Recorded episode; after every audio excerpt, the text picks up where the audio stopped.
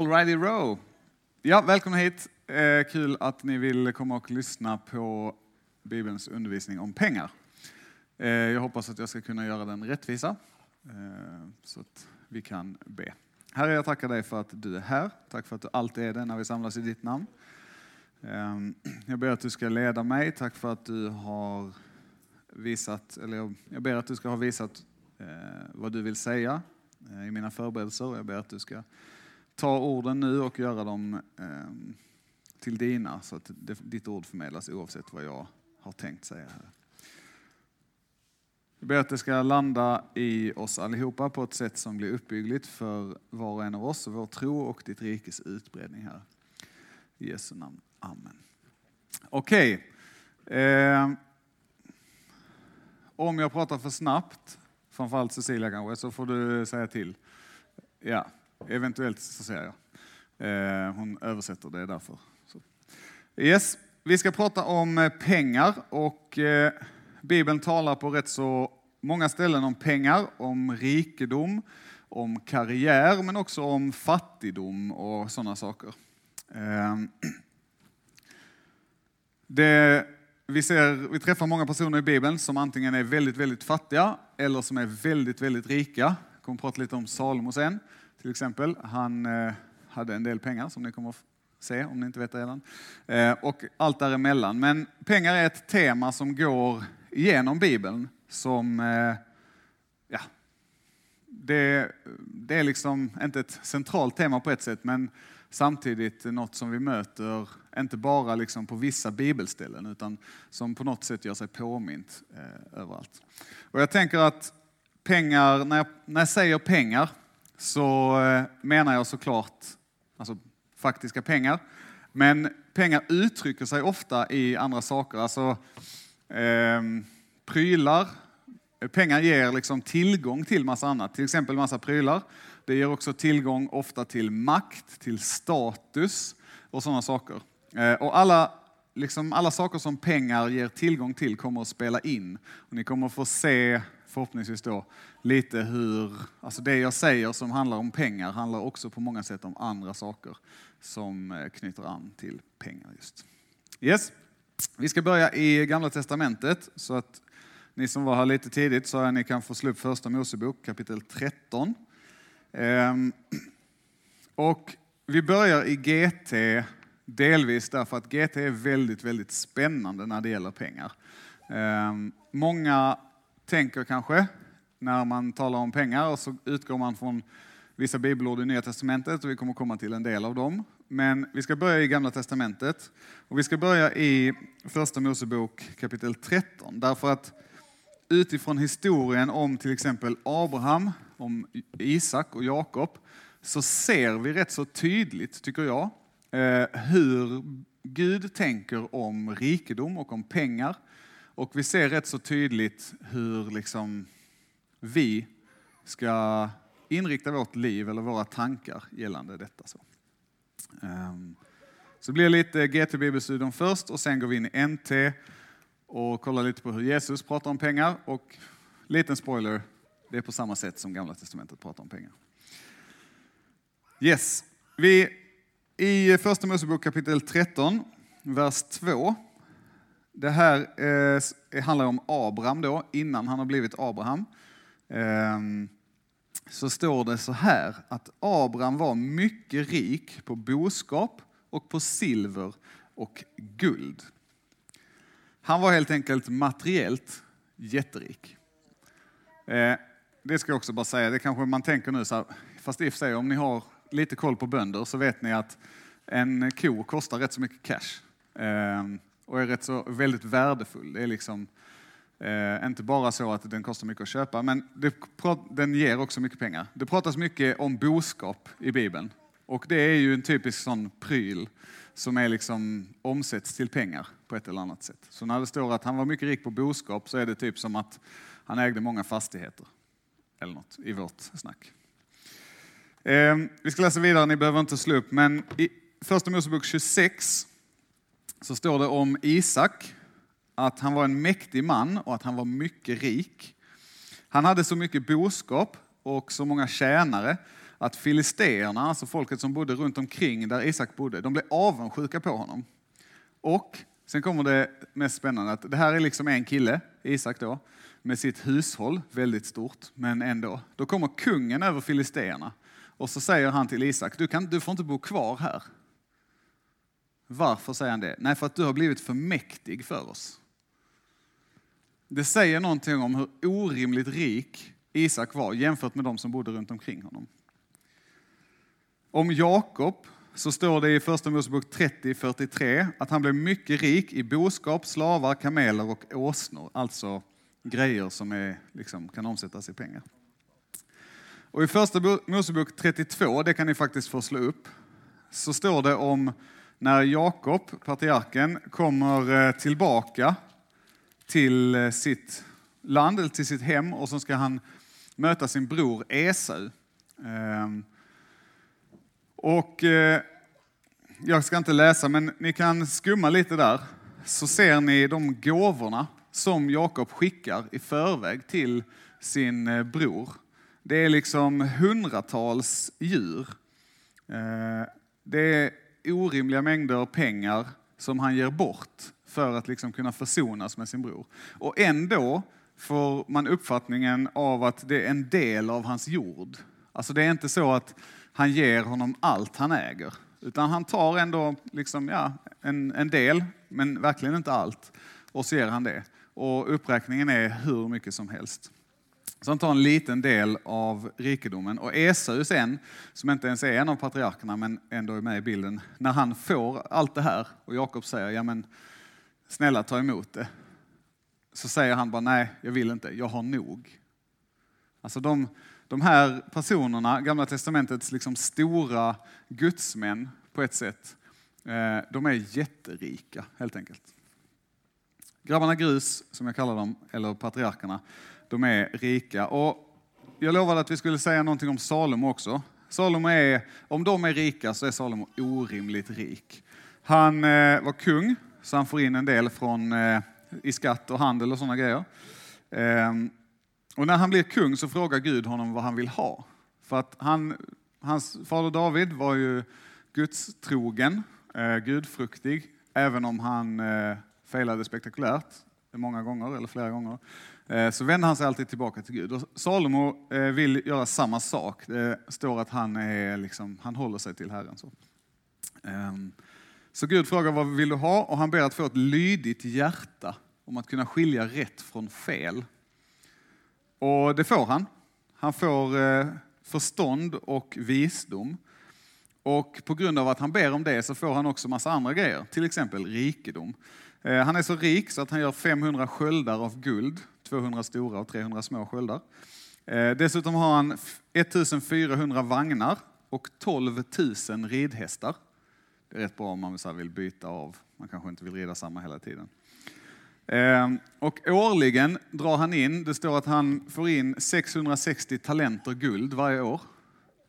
I dagens guldkurs, och det är en viktenhet, talenter alltså. Man skriver inte så här, ja, men han drar in 660 sådana här feta guldmynt, utan det är en viktenhet.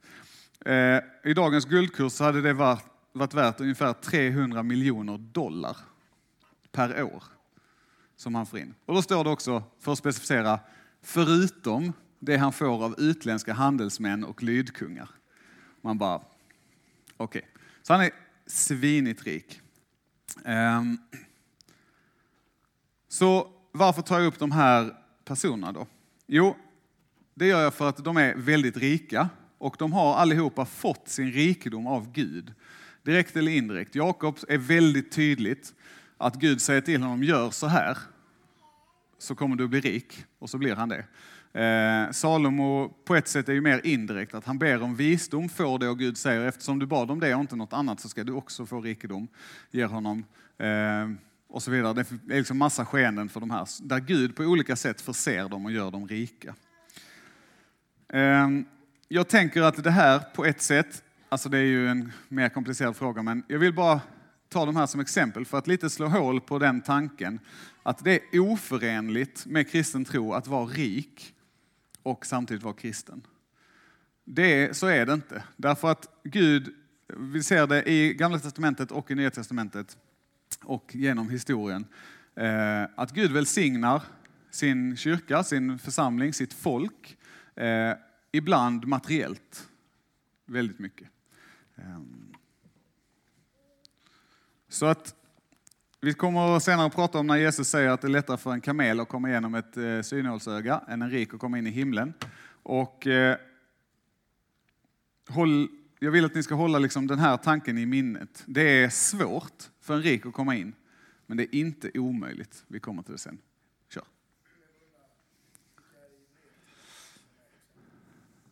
Ja, nu kanske jag sa men lite snabbt där. Jag eh, tänkte mig inte riktigt för. Jag tänker att Paulus är ju en sån som eh, uppenbart kommer från en rik familj, eh, vilket man kan anta att han har pengar. Sen så använder han ju inte dem om han har dem. Utan han säger, det är rätt så tydligt att han hankar sig fram genom att jobba, så att säga. Så jag, jag kan ha talat lite för snabbt där, nu när du sätter mig on the spot. Det är bra Henning. Eh, men i Gamla Testamentet finns det i alla fall. Nya Testamentet eventuellt. Ehm, jag får fundera lite på det. Så scratch that. Och sen så, ja. Yes. Ehm, och det som gör skillnaden för de här personerna då, de här eh, rika personerna, det är egentligen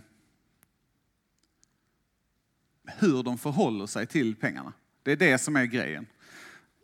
Det finns en bra beskrivning av Salomo när han var ung. Sen så när han är äldre så eh, blir det annorlunda. Och ja, det är väldigt intressant att läsa texten om, som beskriver Salomos rikedom. Inte bara utifrån faktumet att okej, okay, här är en beskrivning som visar att han är jätterik. Utan också i ljuset av lagen, alltså första, andra, tredje, fjärde Mosebok och vad de säger om kungarna, hur de ska bete sig i förhållande till guld, i förhållande till vagnar, i förhållande till hästar. Som är de måtten på rikedom som tas upp för Salomo. Eh, men det tar vi inte nu, utan ja, det får ni gärna fråga mig om någon annan gång. Det är jättespännande. Ett porträtt av Salomo som visar att han är jätterik, men som också visar om att han skiter i lagen. Men när han var ung så står det att Salomo älskade Herren och följde sin fader Davids stadgar. Och jag tror, tänker att det är applicerbart på patriarkerna också. Att det som är grejen med dem, det som är grejen med Abraham, om vi läser i Nya Testamentet i breven när de tar upp Abraham som exempel, så är det att han, har, han litar på Gud. Han är liksom, okej okay, men Gud har detta i sin hand. Därför så är rikedomen på ett sätt inte ett problem. Ehm, och jag tror att det är det som är poängen och grejen med rikedom att vara kristen. Det är kanske inte en nyhet, eller det borde kanske inte vara det. Ehm, men att det som ska ligga till grund för hur vi hanterar och hur vi tänker kring pengar och hur vi tänker kring prylar, ehm, det är kärleken till Gud det som måste vara, och det tänker ni om vi tänker att vi har ett läger som handlar om 100% Kristus, så är det rätt så tydligt att det som måste vara grunden för vårt liv, det som måste vara liksom det som är 100%, det som omsluter allt annat, det är kärleken till Gud. Ehm, och det måste omsluta varje del i livet. Jag tror att det är rätt så lätt att hamna i ett sätt att tänka eh, som är så här do's and don'ts. Eh, jag var på konfaläger nu på Strandhem här eh, i somras och vi pratade rätt så mycket om det på lägret i undervisningen. Att eh, liksom så här, men får jag göra detta då? Kommer jag till himlen då? Men, men om jag gör det här, är det kört för mig då? Okej, fast den här grejen, måste jag verkligen göra detta för att komma till himlen? Jag tror att det är lätt för oss att fastna i, en sån i ett sånt tankesätt i alla områden i tron, men framför allt kanske när det gäller pengar. Att, så här, får jag verkligen köpa detta? Kan jag vara, liksom, oh, men det, jag pratade lite här med några innan som precis köpt lite nya spel och sådana saker. Och det är så här, oh shit, kan jag verkligen göra det? här är någonting som är bara för mig. Det är någonting som jag har köpt. Kan jag verkligen det? Eh, nej, jag tror inte du kan det. Det är inte förenligt med att vara kristen. Vi hamnar lätt i sådana listor. Och det tror jag är oerhört dåligt. Ehm, det smyger sig också lätt på en tankar om att, okej, okay, men det här, för mig har detta varit en stor prövning eh, personligen, att tänka om mina vänner, eller tillsammans med mina vänner när vi sitter och pratar om det här. Och så säger de kanske att ja, men vi ger så här mycket pengar i månaden. Och så tänker jag antingen, oj, oj okej, okay, nu ska jag gå hem, jag kan inte vara sämre. Alltså, jag, de är mycket heligare än vad jag är, de är mycket kristnare än vad jag är. Eller tvärtom så tänker jag, what? Hallå, jag gör mer än dubbelt så mycket som ni ger. Kom igen nu. Ehm, och båda de, sätt, båda de tankarna är en konsekvens av de här listorna, tänker jag. Att det här dos and don'ts, don'ts, tänket. Svårt ord att säga. Ehm, att man tänker det här får jag göra, det här får jag inte göra. Och så gäller det bara att hålla sig borta från det ena och göra det andra. Så är man safe. Men det är inte alls så Bibeln eh, talar, skulle jag säga. Inte i huvudsak i alla fall. Och när man pratar om Bibeln så kan man aldrig ta, jag kan aldrig ta en vers och så bara säga att kolla den här versen betyder detta, därför är det så. Utan man måste alltid se till helheten. Och det gäller specifikt här såklart. När Bibeln talar om helgelsen, om livet med Gud, och det gäller pengar men det gäller också alla andra saker, så är den väldigt sällan specifik. Och det låter kanske lite konstigt, därför att på de allra flesta ställen i Bibeln, där det pratas om någonting som har med helgelsen att göra, så är det specifika saker som nämns. Du ska inte göra detta, håll er borta från det här. Men poängen för Bibeln är inte att säga du får absolut inte göra det här. Utan poängen med, eller för Bibeln och för Gud är att ge exempel på saker som kommer av att du har fel förhållningssätt. Att du har fel grundinställning.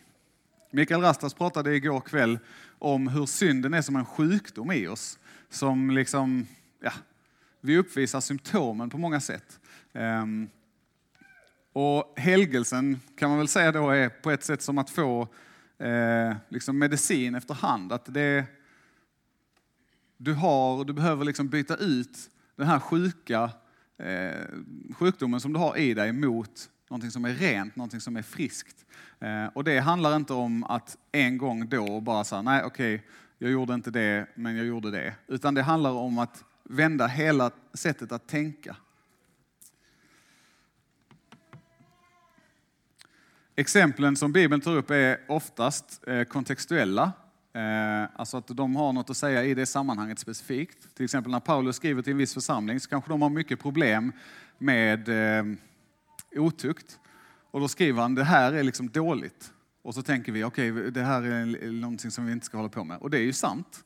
Men det är inte det som är poängen. För att när vi läser hela Bibeln så ser vi att vi måste vända liksom hela vår varelse. Vi kan inte bara säga, okej, okay, men Paulus skrev det och det och det och det och det har jag inte gjort. Då är jag ju superhelig. Nej, nej, nej, det är inte det som är poängen.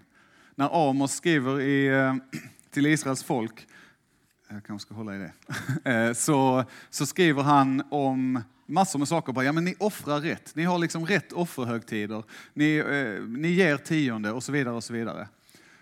Men så skriver han ändå att Gud säger, jag hatar det. Alltså, det, är liksom, det luktar äckligt från era brännoffersaltare. Vad håller ni på med? Det är skit. Jag bryr mig inte om det. Istället, säger Gud i Amos, så vill jag se rättfärdigheten. Jag vill se rätten flyta fram som en ström. Alltså det är inte grejerna i sig, de är liksom symptom på någonting, en större sjukdom. Eller vad man säger. Och så tror jag vi måste tänka kring pengar också och genom precis eh, så måste vi tänka om helgelsen.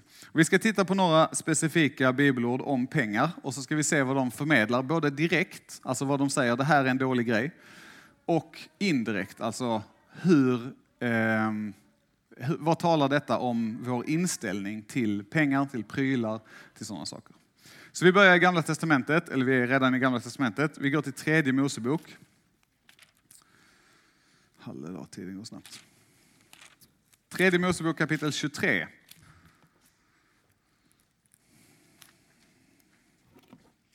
Eh, Vers 3. Här kommer då, ehm, ja, jag läser, eh, nej, jag läser inte men jag hoppar lite olika saker. Först kommer det ett stycke om sabbaten. Ehm, under sex dagar ska arbetet utföras, men den sjunde dagen är vilosabbat. En dag för helig sammankomst. Ehm, inget arbete ska ni då utföra. Sen kommer Herrens högtider. Ehm, så ska ni göra detta och detta. Och sen, ni ska inte, på den första dagen ska ni hålla en helig sammankomst. Ni ska då inte utföra något arbete. Ni ska offra eldsoffer åt Herren och så vidare. och så vidare. Ni ska inte utföra något arbete. Och sen säger eh, Gud till Israels barn, när ni kommer in i det land som jag ger er och ni bärgar in dess skörd, så ska ni ta den kärve som är den första av er skörd och bära den till prästen. Eh, och sen så kommer prästen då offra den till, eh, till Herren. Och sen ska man också offra lamm och så vidare och så vidare och så vidare. Och så vidare. Inget av den, rostade, av den nya skörden, varken bröd, rostad ax eller korn, ska ni äta förrän på den dagen, inte förrän ni har burit fram offergåvan. Sen kommer eh, veckohögtiden och nyårshögtiden och försoningsdagen och så vidare. Ehm, och det som händer här, varför säger Gud att ni får inte, eller det första som du skördar, alltså den första lönen kan man säga för oss idag. Ehm, eller ja, det blir konstigt för oss när vi säger den, för, den första delen av lönen, för att ja, vi får allt samtidigt. Men eh, den ska ni ge till Gud. Det handlar om att offra någonting. Och likadant med de här vilodagarna som Gud säger. Det handlar om att offra tid, arbetstid. Det, här, det Gud specificerar, då ska ni inte arbeta. Varför arbetar man? Man arbetar för att tjäna pengar, eller i det här fallet då för att kanske eh, skörda eller något sånt, för att få mer. Men Gud säger, offra det. Skippa det, gör inte det. Varför? Nej, för att ni ska ha en helig sammankomst. Därför att ni ska komma inför mig, vi ska umgås, vi ska hänga. Du ska umgås med dina vänner. Det är inte så att vi ska ha en helig sammankomst där jag själv liksom går in i mitt kyffe och sen så har jag, utan vi som gemenskap, folket som gemenskap, ska träffas inför Gud och vila, offra arbete, offra arbetstid, offra pengar för att umgås med Gud. Och varför? Jo, för att påminna oss, eller i det här fallet folket, om att allting som de har, allting som de får, det är egentligen inte deras. Och det här är liksom grundpoängen, tror jag, i Bibelns undervisning om pengar. Det som ni har, det som vi har, det är inte vårt. Gud ger. Alltså, det här handlar på något sätt om, eh, sorry Cecilia, nu lämnar jag manus. Eh, det här handlar på något sätt inte om eh, alltså grejerna i sig, utan det handlar om vilken bild har vi av Gud? Vem tror vi, alltså på riktigt, vem tror vi att Gud är? Är han någon som sitter och liksom, eh, ja, han har skapat en gång och sen så fortgår grejer typ av sig själv och sen så kommer han så bara pff, Jesus in i historien, bort igen och sen så någon gång här långt framme så pff, Jesus in i historien igen. Men däremellan händer inte så mycket, Gud är inte så aktiv. Eller tror vi att Gud är skaparen, men tror vi också att Gud liksom kontinuerligt, hela tiden skapar? Tror vi att Gud upprätthåller skapelsen? Om vi inte tror det, vad har vi för bild av Gud? Vem är han då ens? Alltså, Gud är den som hela tiden, hela tiden bara öser ut av sin livsande över världen. Det är han som gör så att det regnar. Det är han som gör så att träden växer. Det är han som gör så att vi kan bygga, så att vi kan skörda, så att vi kan arbeta, så att vi kan tjäna pengar. Utan honom, alltså det blir löjligt på något sätt att tänka. I grunden är det alltid Gud som ligger bakom det vi har. Och om vi börjar tänka så, då har vi plötsligt ett helt annat förhållande till pengar, till prylar, till hur viktigt det är med liksom att jag ska ha de senaste kläderna eller en, en ny iPhone eller vad som helst. Eller ett bra jobb. Alltså, jag, jag har vänner som eh, som har valt utbildning och liksom gått igenom den och jobbar med det. Eh, därför att det är ett jobb som ger jättemycket pengar. Det ger bra lön. De tycker inte det är särskilt kul. Men det ger mycket pengar. Och så tänker de, vissa av dem i alla fall som jag har pratat med, att ja men det här det är på ett sätt rätt så klassiskt men jag tjänar mycket pengar nu, så kan jag vila sen. Bibeln pratar om det. Bibeln säger eh, Jesus har en liknelse om en, om en man som gör just det. Han skördar, han får skitmycket skörd och så bygger han nya lador och sen så lutar han sig tillbaka och tänker nu är det lugnt, nu har jag min sann jobbat hårt och tjänat in, nu kan jag vila. Och Gud säger, din dåre, du vet, alltså du vet inte när du dör, du vet inte vad, vad som händer imorgon. Fokusera på det som är viktigt. Och jag säger inte att det är fel att tjäna mycket pengar. Det borde ni förstå om jag eh, gjorde mig tydlig där i början med Abraham och gänget. Men det jag säger är att inställningen, varför, liksom, varför väljer vi det vi gör? Varför väljer vi ett yrke? Gör vi det bara för att tjäna mycket pengar så att vi kan ge oss själva bekvämlighet? Jag har också vänner som tjänar sjukt mycket pengar, men som är orimligt bra på att hantera dem. Därför att deras uppgift i livet, det som de upplever som sin kallelse, det är att tjäna skitmycket pengar och sen så finansiera massor med andra människor som typ är missionärer, som bygger kyrkor, som har liksom social verksamhet och sånt. I min förening där hemma i Lund så har vi en person som helt, eller det är ett par, helt själva så har de valt att eh, säga till oss, okej, okay, vi vill att ni anställer en person som eh, skapar en mötesplats för ensamkommande flyktingkillar. Därför att de är utsatta i samhället. Och sen betalar de hela, alla kostnader för det. Det är god hantering av pengar. Det var ett litet sidospår. Eh, vi kommer läsa vidare i tredje Mosebok 23, vers 22.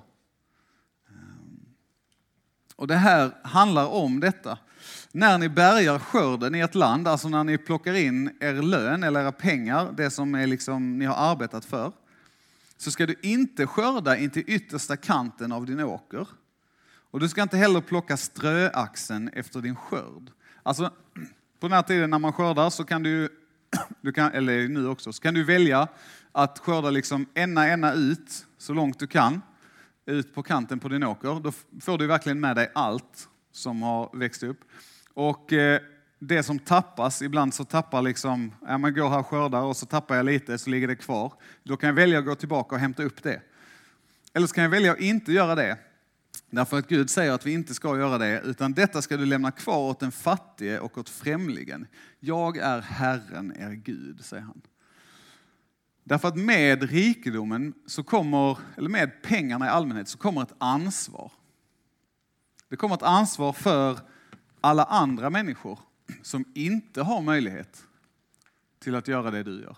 De som inte äger någon åker i det här fallet. De som inte kan skörda hela vägen ut till kanten.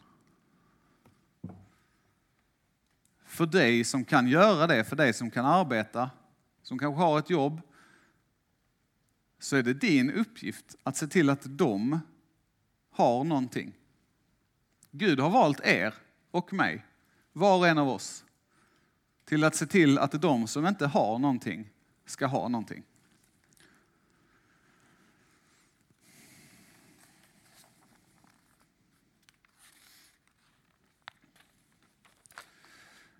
I tredje Mosebok 25 så eh, det, ni behöver inte slå upp det, men ni kan skriva upp det. Läs tredje Mosebok 25. Det är en beskrivning av två högtider kan man säga. Sabbatsåret och jubelåret. Och läs det och fundera på vad det här innebär. Vad är liksom baktanken med det här?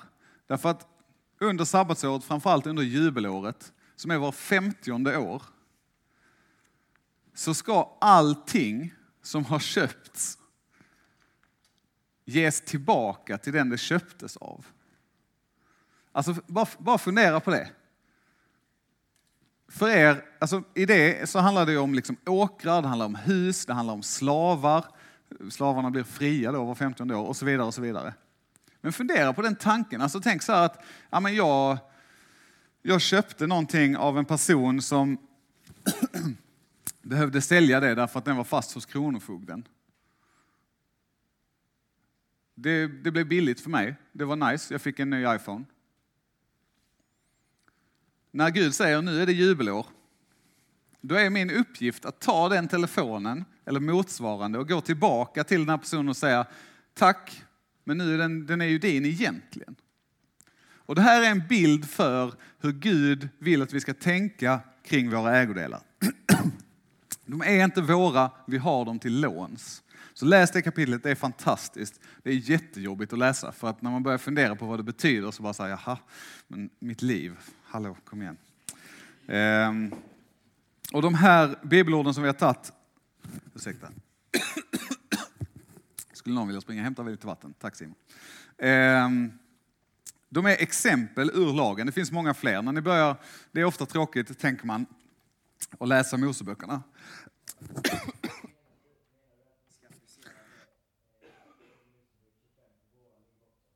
Nej, det menar jag inte. Det jag menar är att rent konkret så är det någonting som ges till Israels folk i den tiden. Men det säger någonting om Guds tanke med våra ägodelar och med hur vi ska förhålla oss till dem. Och därför kan vi applicera det, inte direkt men indirekt. Vi kan titta på vad är liksom poängen med att vi ska, slavarna sätts fria, att vi ska ge tillbaka vår åker och så vidare. Jo, det är för att de som har tvingats sälja det här, troligtvis i det samhället, de är fattiga. Det står till och med specifikt om du har någon som tvingas sälja sig till dig som slav för en skuld. Det händer ju inte idag, men det kan ju hända, det hände då. Då ska du ge honom fri och hela hans familj. Och du ska ge tillbaka honom hans hus och du ska ge tillbaka honom hans åker. Det handlar om att eh, det är vårt ansvar att upprätta de människorna som har fallit. Det står om Gud att han är en Gud som reser upp de fallna, han rätar ut de nerböjda. Och vår uppgift är att vara heliga som Gud är helig. Vår uppgift är att vara Guds avbilder. Det betyder att vi ska lyfta upp de nerböjda, vi ska räta ut de som är nerböjda.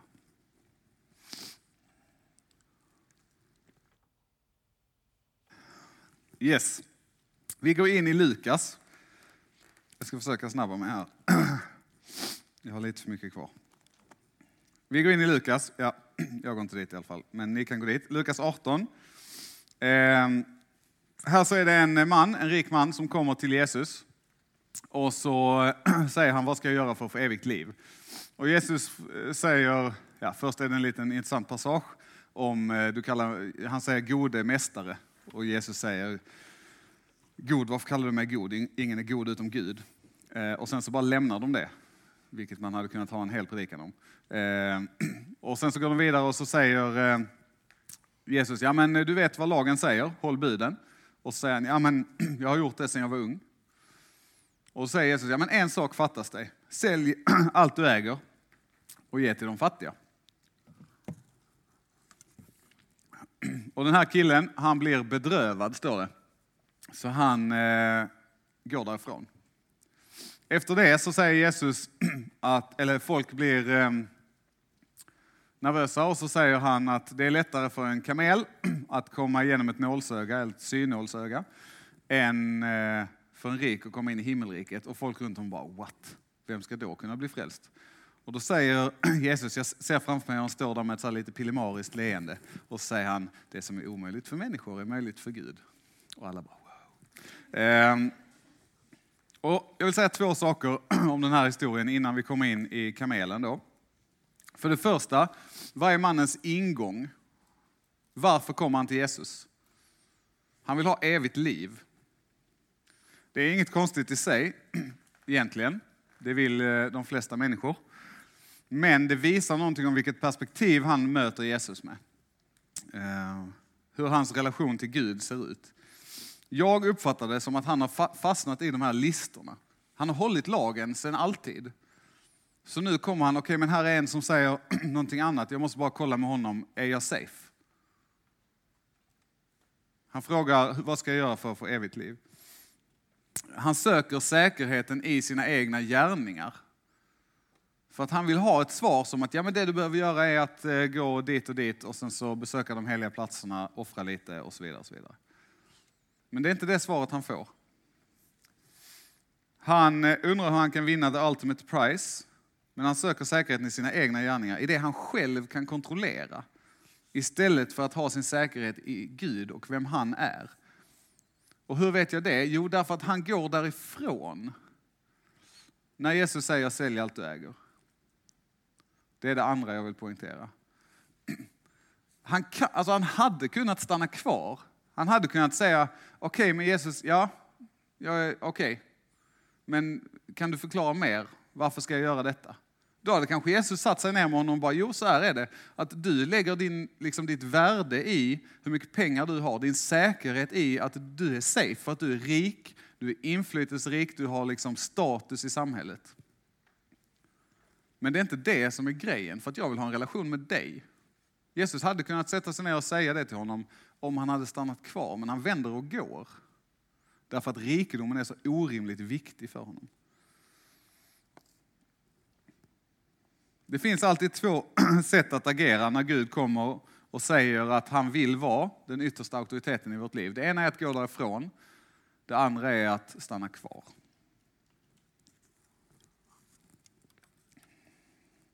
Lärjungarna stannar kvar.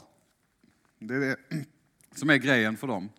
Ehm, och Petrus efter verserna vi, som ja, den här historien står i, så säger han, ja men Herre kolla på oss, vi har lämnat allt och följer dig. Och då säger Jesus att ni ska få mångdubbelt igen. Ehm, den som stannar, den som väljer gemenskapen med Gud, den får något mer än det som den rike mannen valde. Det är därför Jesus säger att vi först och främst ska söka Guds rike och hans rättfärdighet och sen det andra. Men okej, okay, kamelen då. Den rike mannen går därifrån och eh, Jesus säger hur svårt är det inte för dem som är rika att komma in i Guds rike. Det är lättare för en kamel att komma igenom ett nålsöga än för en rik att komma in i Guds rike. Folket frågar honom, men vem kan då bli frälst? Då svarar Jesus fantastiskt och pillemariskt. Det som är omöjligt för människor, det är möjligt för Gud. Vad är det som en rik människa behöver för att komma in i Guds rike? Vad är det som en rik människa behöver för att bli frälst? Det är ett omvänt hjärta. Det är den här liksom, sjukdomsomställningen. Ut med sjukdomen, in med friskheten, som vi pratade om innan. Och det gäller ju inte bara för pengarna, det gäller ju för allting. Det gäller för alla oss. Halleluja alltså, hur ska jag hinna? Så vad är poängen med allt det här jag har snackat om nu? Jo, det är det viktigaste ni kan ta med er. Och det här tror jag är liksom en process som ni får jobba med. Det är eh, att det ni har, det är till låns. Det är inte ert. Och det är skitsvårt att tänka så. Därför att jag har min själ jobbat i mitt anletes svett för pengarna som betalade för min dator där jag kan spela Minecraft. Och det är jätteroligt, så jag vill göra det. Jag förtjänar det.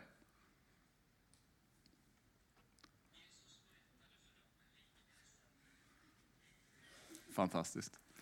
Men grejen är så här att hur viktigt är då Minecraft för mig? Hur viktigt är min dator? Hur viktigt är mina... Jag håller på med ett eh, svin, en svindyr hobby som heter eh, figurspel, eller rättare sagt Warhammer. Eh, jag har nog uppemot en... Ja, jag vågar knappt räkna. Men säg att jag har 30 000 i garderoben i liksom små plastgubbar eh, som man kan eh, spela med och kriga med. Eh, och det är någonting som jag, alltså om Gud skulle säga till mig, det låter ju löjligt, men det säger någonting om liksom, att vad som helst kan vara som pengar. Att om Gud skulle säga till mig att Oskar, det här tar alldeles för mycket av din tid och ditt engagemang och din ork. Sälj dina gubbar. Alltså fy för, säger jag bara. Det har varit jättejobbigt. Och det låter löjligt, men jag antar att de flesta av er skulle kunna hitta någonting i ert liv som är på det sättet. Kanske är det en grej, eller i mitt fall då rätt så många små plastgrejer. Eh, eller så är det kanske era vänner, eller jag vet till exempel, nu tar jag dig som exempel Johannes, hoppas det är okej. Okay. Johannes är duktig på att spela gitarr och han har en gitarr som han älskar. Tänk om Gud hade sagt till dig, sälj gitarren. Precis. Bara, fast nej, I don't wanna. Man gör inte det, det blir jobbigt. Min fru en gång, eller hon som är min fru nu då, eh, hon var min flickvän då. Eh, en gång här på Puls, vad är det, 2019? För tio år sedan, på Puls, Fett ändå. Eh, så sa, eh, då var jag inte kristen, men jag var på puls för att alla mina kompisar var på puls. Eh, och då sa Gud till henne att du ska, du ska inte längre vara tillsammans med Oskar, för att han är inte kristen. Det är inte bra för dig. Vad gjorde min fru? Hon sa, hej då Oskar. Hon grät orimliga mängder, det gjorde jag också. Men hon valde rätt. Hon valde det som är viktigast. Hon valde att inte ha sin säkerhet i relationen med mig, att hon var älskad av mig, utan hon valde det som spelar roll på riktigt. Precis på samma sätt behöver vi göra när det kommer till våra pengar, till vår status, till våra grejer. Vi behöver tänka, okej, okay, men det jag har, det är inte mitt. Och om Gud säger, gör dig av med det, hur reagerar jag då? Det är skitsvårt att veta. Men var starka där.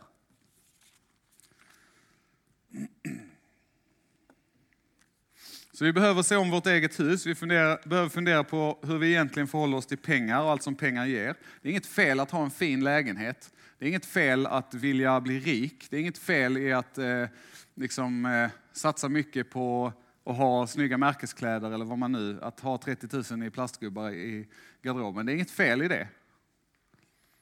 Men frågan är, hur förhåller du dig till pengar i allmänhet? Vad är, liksom, vad är det första du gör? Vad gör du, med, vad gör du med lönen när du får den direkt? För många, många av oss, även jag inkluderat, trots att jag är lite äldre än vad ni är, eh, är precis i början av vuxenlivet. Vi har liksom lämnat barnaskapet där vi får allting, mer eller mindre, av våra föräldrar. Gått igenom ungdomstiden när man ofta liksom börjar ta mer ansvar för sig själv, sin ekonomi. Man börjar tänka att okej, okay, men jag eh, ska jobba lite så att jag får in pengar till mig själv som jag sen kan välja hur jag vill spendera. Ehm, och så kommer ni in i, snart i alla fall, i vuxenlivet, i kanske studentlivet eller arbetslivet. Och börjar för första gången behöva, kanske, fundera på vad ska jag göra med de här 10 000 som kommer in varje månad i studiemedel? Eller vad ska jag göra med de här 20 000 som kommer in i lön varje månad från mitt, eh, mitt jobb? Och så vidare och så vidare. Och vad ni svarar på den frågan nu kommer att avgöra jättemycket för er framtid. Därför att nu är ni unga, nu har ni chansen att välja någonting, att skapa någonting, en rutin, ett sätt att tänka, en liksom inställning som kan hålla hela livet. Ju äldre man blir, desto svårare är det att ändra på sig. Fråga mig, Rakel är ännu lite äldre, hon kanske skulle stämma in. Ehm, att ju äldre du blir, desto mer liksom fast i din, ja, dina sätt att göra saker är du. Så välj nu hur ni ska förhålla er till saker, till pengar. Vem är det som bestämmer i ert liv? Det blir större. Så fort du börjar prata om pengar så blir det större än pengar. Därför att om Gud är nummer ett i ert liv, om Gud är den som på riktigt bestämmer, så behöver han göra det över pengarna också. Han behöver göra det i våra prylar och så vidare. och så vidare. Gud är inte en del av livet. Den kristna tron, lärjungaskapet, det är inte någonting som jag gör vid sidan av mitt Warhammer-spelande och mitt idrottande och mitt eh, varande med min familj. Utan det är det som ligger till grund för och omsluter alla de andra delarna. Det är det som genomsyrar och liksom eh, formar alla de andra delarna. Och det så måste det vara. Välj det nu, när ni fortfarande kan. Jag ska bara kort avsluta med att prata lite om tionde och givande i allmänhet. Ehm, tionde är på ett sätt en biblisk princip. Ehm, eh, ja, lagen, Mose lag talar om eh, för israeliterna om tionde och man kan i korthet säga att eh, de ska ge det första, de första 10 procenten av skörden eller så vidare, och så vidare till Gud. Eh, och det är för att påminna dem om alla de här sakerna som jag har sagt, eller försökt säga. att Det är liksom Gud som ger, vi har allting till låns. Eh, det viktigaste i vårt liv måste vara Gud och hans vilja och sen så kommer det andra därefter. Och sen så ger Gud, han är ju skön, han behöver ju inte jättemycket säd och sånt. Eh, liksom, han kan bara skapa det om han behöver det. Eh, så att han väljer att ge det vidare till leviterna, alltså prästerskapet, till templet. Därför att de får... När eh, Israels folk intar landet, alltså Kanans land, Israels land, så får alla tolv stammarna vars ett landområde, olika stort men ändå, förutom Levi stam, de får inget land. För att, står det i Bibeln, deras arvslott är Herren. Deras uppgift, deras liksom grej, är att de ska vara prästerskapet, de ska vara folkets liksom moraliska och eh, religiösa ledarskap, andliga ledarskap. De ska vara herdarna för Israel. Och därför ger Gud tiondet, så säger han tack för att alla ger det till mig, ge det till leviterna. Och sen så säger han, och det här, alltså om ni någon gång ska göra ett roligt studie i Bibeln, så ska ni göra ett studie av detta. Men sen så pratar han om tiondet som, ja men det går till, ehm, till Levi stam, till prästerna, till kyrkan kanske vi skulle kunna säga idag. Och sen utöver det, tänk nu på hur ni brukar höra undervisning om tiondet. Att man ska ge det bra, liksom bla bla. I vissa eh, sammanhang så hör man att tionde ska man eh, eh ja, det ska man eh, ge, man ska framhålls som ett ideal, i vissa sammanhang ett krav. Eh, I vissa sammanhang är det typ så att ger du tionde då är du, liksom, det är väldigt, då är du helig. Typ. Ehm, men det spelar ingen roll ifall du ger en, tio eller 50 procent av din inkomst egentligen. Men när Eh, lagen talar om tiondet, så är tiondet till kyrkan. Och sen utöver det så ska du göra de här grejerna som vi sa. Du ska inte klippa din åker hela vägen, eller skörda din åker hela vägen ut. Det är din uppgift, utöver de 10 procenten som du ger till Gud, så är det din uppgift att spendera dina pengar, dina prylar, din tid, ditt engagemang på de andra människorna. Den fattige, de faderlösa, änkan och främlingen. Det är de fyra som om och om igen återkommer i Bibeln. Det är din uppgift, det är min uppgift. Att ta hand om de som är marginaliserade i samhället, de som inte har. Vi som har måste förvalta våra pengar på ett sätt som gör att de som inte har får. Och det är spännande att läsa om i Gamla Testamentet, hur, eh, liksom, hur lagen talar om just det. Samtidigt så tänker jag då att tiondet på många sätt är en rätt så bra tumregel. Det är vettigt att tänka att jag ska ge en del av min inkomst till Gud. Hur stor bestämmer ni själva, såklart. Ehm, och den kan variera. Vissa människor är kallade att eh, ge, alltså som sagt det finns människor som tjänar, jag vill säga att de drar in så 30, 40, 50 tusen i månaden. Och så lever de som om de levde på studiemedel. Därför att deras kallelse är att ge pengar. Så kan det vara. Det är, det är liksom inte alls orimligt att några av er som sitter här inne har det. För andra så är kanske kallelsen att leva på motsvarande studiemedel, 10 000 i månaden, i princip resten av ert liv. Därför att då kanske ni bara behöver jobba 30 procent. Och så kan ni lägga 70 procent av det som egentligen borde vara er arbetstid på andra människor.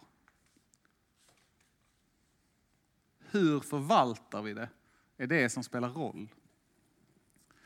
Och vårt ansvar är då att ge tillbaka till Gud för att påminna oss om att det vi har fått, det är inte vårt, men vårt ansvar är också att ge till dem som inte har. Se till så att de har.